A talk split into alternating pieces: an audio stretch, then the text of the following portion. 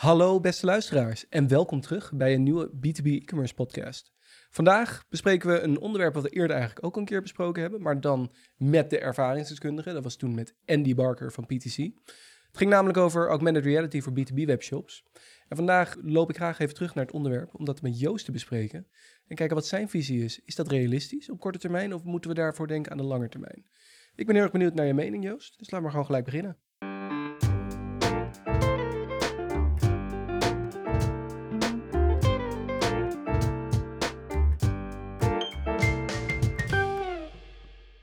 Welkom Joost. Nou, daar zijn we weer, hè? Weer een nieuwe podcast. Gezellig. Ja, en weer een, uh, een ander onderwerp. Uh, dus buiten de podcast om hebben we het hier wel eens over, over augmented reality. Het lijkt soms nog een beetje een ver van je bedshow. We hebben het natuurlijk over gehad in de vorige podcast met dat er wel mogelijkheden zijn, maar dat er niet heel veel bedrijven het omarmd hebben. Maar ja, hoe ja. zie jij dat? Denk, jij, uh, denk je dat daar snel stappen in gemaakt worden? Of zie je daar mogelijkheden voor misschien? Ja, ik denk dat dat hoe dan ook de toekomst is. Omdat we steeds meer gaan naar flexibele schermen, uh, wearables en zo. En daar is augmented reality een goede toevoeging in. De vraag is uh, wanneer en of het voor elke business relevant is. Want uh, om dat toe te voegen, dat kost wel behoorlijk veel geld. In het gesprek met Andy, volgens mij, zijn ook wat bedragen genoemd. Maar voor een gemiddelde merchant, als je een product hebt en je wil dat echt goed kunnen plaatsen in je bedrijfsruimte of bij iemand thuis, dan ben je daar best wel een behoorlijke investering voor kwijt. Ja. Dus uh, dat is in ieder geval de grootste bottleneck op dit moment. Maar uh, in de laatste iPads en andere tablets zeg maar, zit zoveel techniek die het mogelijk maakt, uh, low-key, om steeds met minder techniek en minder proces eromheen, om augmented reality toe te voegen aan producten. Ja, nee, dat denk ik ook. Ik, je ziet het ook steeds vaker terugkomen. Hè? Zoals je zegt, voornamelijk grote bedrijven omarmen het nu. Je hebt de IKEA natuurlijk denk het meest bekende voorbeeld, uh, de IKEA Place app, mm-hmm. waarin je letterlijk de producten komt neerzetten. Maar ook Coolblue omarmt het nu als uh, Nederlandse speler in ieder geval op de markt. Dus in de app kun je dat doen. Dus je kan uh, je nieuwe tv plaatsen in je, in je woonkamer. Maar je hoort het waarschijnlijk al in mijn stem, hè? En, tenminste mijn stem, in mijn aanloop. Het is voornamelijk nog steeds B2C. Dat is natuurlijk een onderwerp dat we vorige keer ook hebben behandeld. Ja? Dat klopt. Ja, dat is zo, omdat dat ook, daar uh, begint het vaak natuurlijk. Net als het uh, via voice gestuurd uh, bestellen van je pizza, zeg maar, dat begint bij bedrijven zoals Thuisbezorgd. Maar uiteindelijk, als de techniek ver genoeg is, is het ook voor B2B-bedrijven interessant om voice gestuurd dingen te kunnen bestellen. Alleen, ja, nu is dat nog maar voor een heel klein select groepje. Dus voor de augmented reality is het ook belangrijk om, om, om daar wel mee bezig te zijn. En voor wie is het relevant en interessant? Voor de B2B-bedrijven die bijvoorbeeld hele dure grote apparaten uh, verkopen of uh, grote schermen, zodat je echt al wil zien hoe het, of het gaat passen, uh, of dat de bedrijfsruimte moet worden aangepast, of als het gaat om bijzondere systeemwanden, hoe dat dan eruit komt te zien. Daarvoor is de toegevoegde waarde heel groot, want klassiek gezien moet je anders de klant uitnodigen bij jou op kantoor en dan een demonstratie geven en dan uh, ja, die machines zeg maar uh, uh, laten zien. Dan gaat men weer terug. Past het wel of past het niet? Maar dat... verwacht je dat het zo'n groot verschil gaat maken? Want als je het nu hebt over je twijfelt, hè? ik weet nog niet of dit past. En het is niet dat augmented reality nou voor elke persoon dagelijkse kost is, zeg maar. Mm -hmm. Dus vertrouw je er dan op dat wanneer je die optie hebt, dat dat dan de overtuiging biedt van oké, okay, ik koop het wel? Uh, nou, het hele verkoopproces, dat vindt, vindt al plaats voordat eigenlijk er contact is geweest met het B2B-bedrijf. Ja. Want iedereen is wel min of meer een uh, semi-expert op het gebied van wat hij zoekt. Ja. Uh, dus men begint te zoeken en men begint alvast te kijken. Hey, wacht eventjes. Ik zie hier drie verschillende. Nou, neem bijvoorbeeld hele grote machines om drukwerk te kunnen doen. Ja. Ik zie hier drie leveranciers. Ik zie al de prijzen of indicatieprijzen.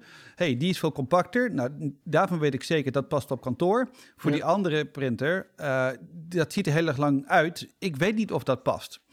En wat je dan krijgt is dat de shortlist die de uh, ja, potentiële kopers hebben, die begint dan bij het bedrijf die de kleinere printer heeft. Of waarvan ze denken dat dat makkelijker een match wordt. Terwijl eigenlijk die grotere printer misschien een veel beter product is. Alleen daar zit die onzekerheid van de plaatsing in.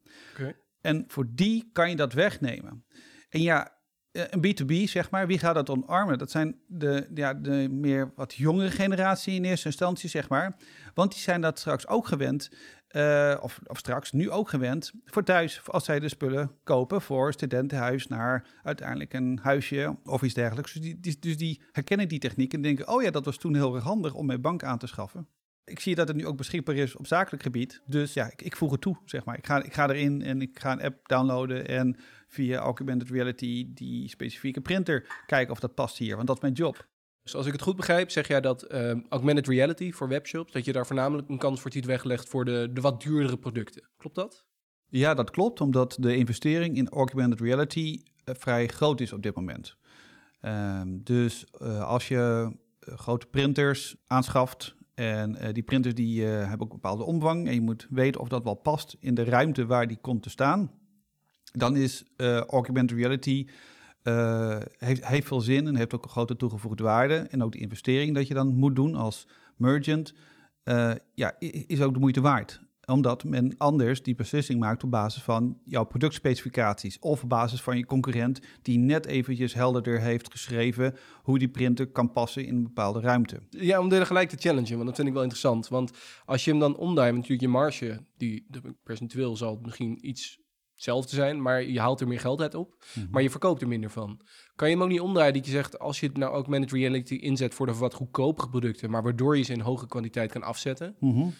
is dat niet uh, veel rendabeler? Want dat is misschien meer schaalbaar, want uh, grotere producten zijn vaak heel specifiek. Dus als je dan een oplossing biedt, dan moet je elke keer, nou je hoeft niet elke keer het weer opnieuw te doen, maar je moet elke keer weer een nieuw stapje zetten. Wat ik zou doen is, ik zou eerst kijken naar het, zeg maar, waar zit het probleem.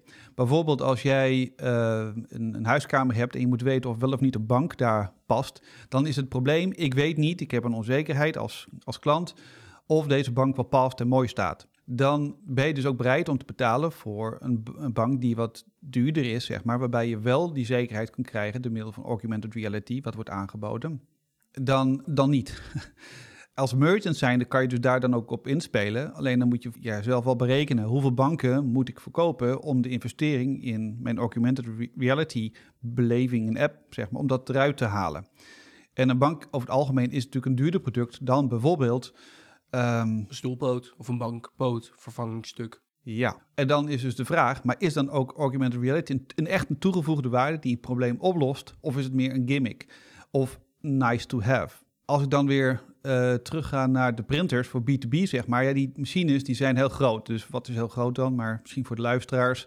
5, 10 meter, 15 meter kunnen die machines zijn. Dat is eigenlijk een hele aaneenstapeling van machines die uiteindelijk ervoor zorgen dat jouw grote print eruit rolt. Maar dat moet er natuurlijk wel passen in een bestaande omgeving. En die kan je niet ergens in een gangkast kwijt of uh, op een bureau zetten. En vandaar dat daar in eerste instantie ook augmented reality direct een probleem oplost. En dat is namelijk, als we deze machine aanschaffen van pakken beet een ton, uh, past dit dan wel of moeten we ook de ruimte aanpassen? Ja, wat ik nu wel gelijk met de binnen schiet, hè, want er staat natuurlijk, uh, augmented reality is deels al ontwikkeld, het is steeds meer aan het ontwikkelen, mm -hmm. maar het is natuurlijk nog niet een compleet uitontwikkeld um, product. Neem je ook niet een bepaald risico als je dat doet? Want als iemand dan een hele dure printer bestelt en via je augmented reality lijkt het allemaal te passen, en dan arriveert het daadwerkelijk en dan past het niet. Wat dan? Nou, uh, kijk, het, het, zit er meer in het precision daarvoor. Waarbij augmented reality helpt om te weten of deze printer van jouw leverancier past.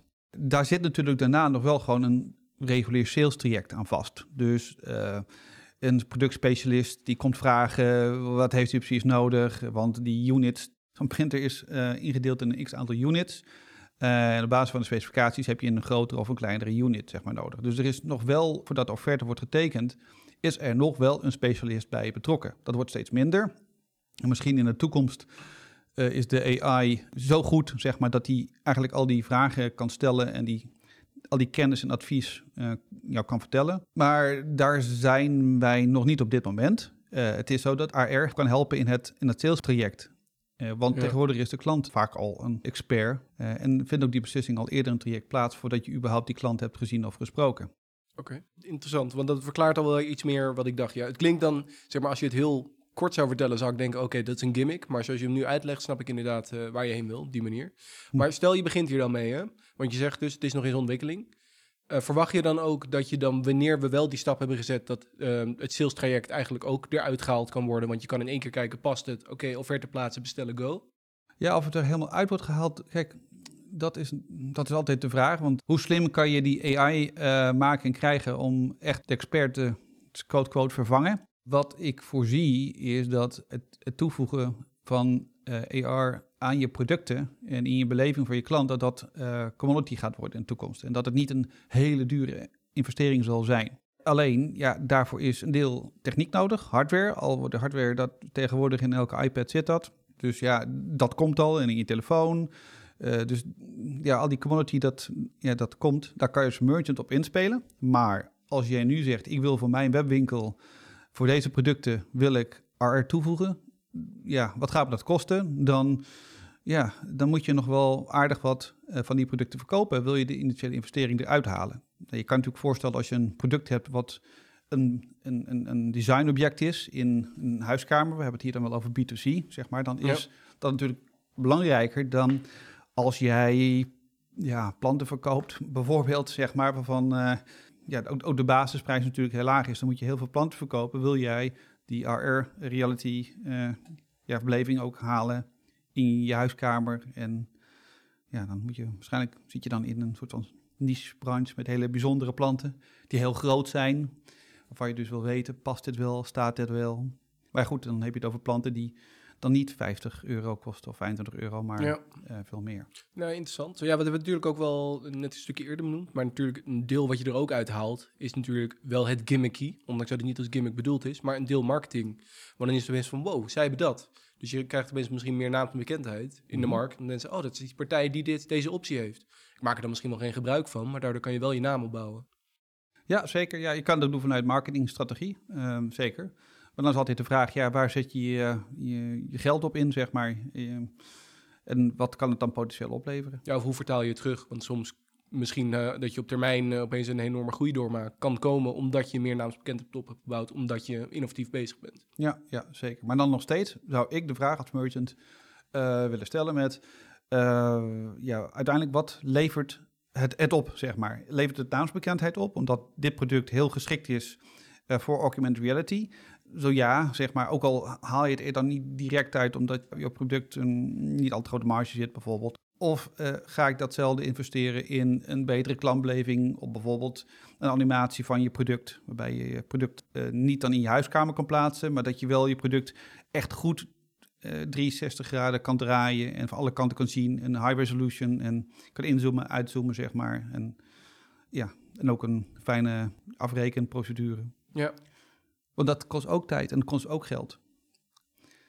Ja, klopt. Hoe dan ook, we gaan erheen. Uh, dus het is, de, de, de, flexibele schermen zijn er al, maar dan nog op uh, klein formaat. Maar uiteindelijk gaan we er ook naar heen dat je raam wordt vervangen voor een flexibel scherm. Je raam is dan een flexibel scherm eigenlijk. Dus, en dat past dan weer ook weer keurig in augmented reality. Dat je thuis, uh, ja, thuis zit, zeg maar, en je komt iets langs. Netflix zie je een product dat in een televisieserie wordt gebruikt. En dan zie je een pauze en dan vertel je, wat is dat product? Dan op je scherm, op je raam wordt dan geprojecteerd dat product. En dan zeg je, oké, hoe staat dat hier in mijn huiskamer dan? En dan kan je dat direct dan zien. Dat is waar we heen gaan. Ja, interessant. Ja, dat doet me een beetje denken aan wat Amazon Prime heeft. Ik ben niet de grootste fan van Amazon Prime als uh, videoprovider. Maar ze hebben wel altijd in de scène waar je zit... dan staat uh, de acteur met de IMDb-link erbij. Ja, ja. Dat. Maar daar gaan we toch heen, dat willen we ook. Dat, ja. Uh... En ja, want dan, ja, dus over waar we heen gaan, dan ben ik wel benieuwd. Hè. Um, er zijn natuurlijk verschillende e-commerce platformen. Verwacht jij dat de e-commerce platformen dit ook gaan omarmen? Of dat dit echt een soort van losstaand initiatief wordt, in ieder geval in de eerste fase?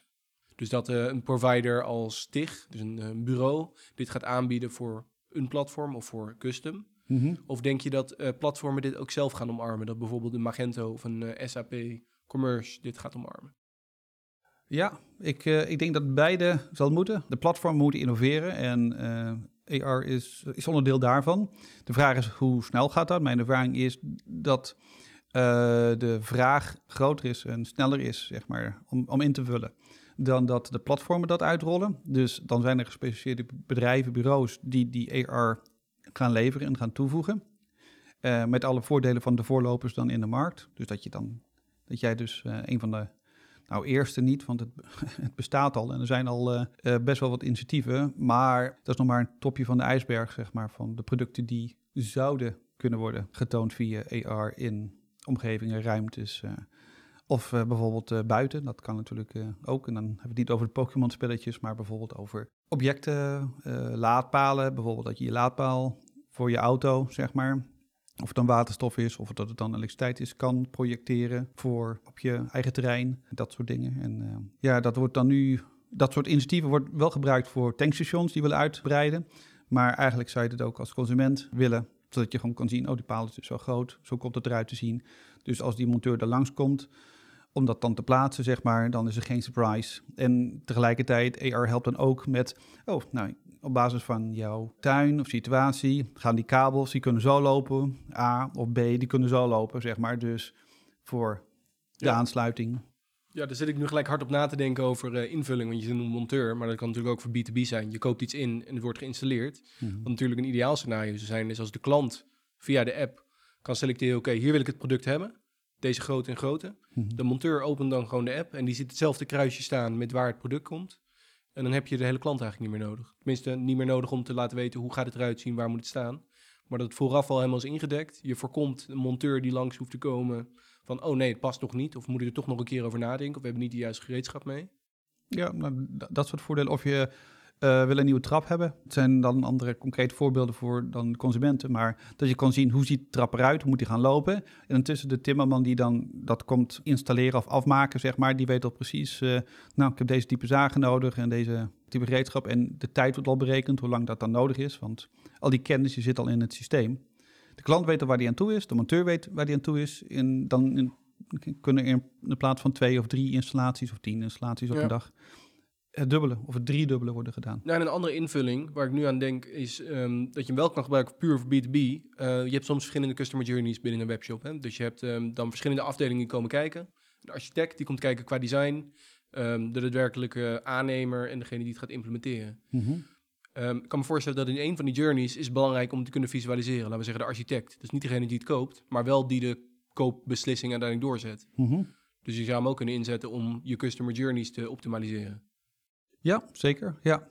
En dan is het misschien voor bepaalde wel en bij andere niet. Dus dan kan je ook weer zeggen welke hebben wel de optie om dat te doen en welke niet. Of waar is het belangrijk voor. Of dat je in ieder geval kan kijken van hoe heeft iemand dat gevisualiseerd. Dat je ook kan mappen van waar heeft hij hem dan neergezet en hoe zou dat er dan uitzien.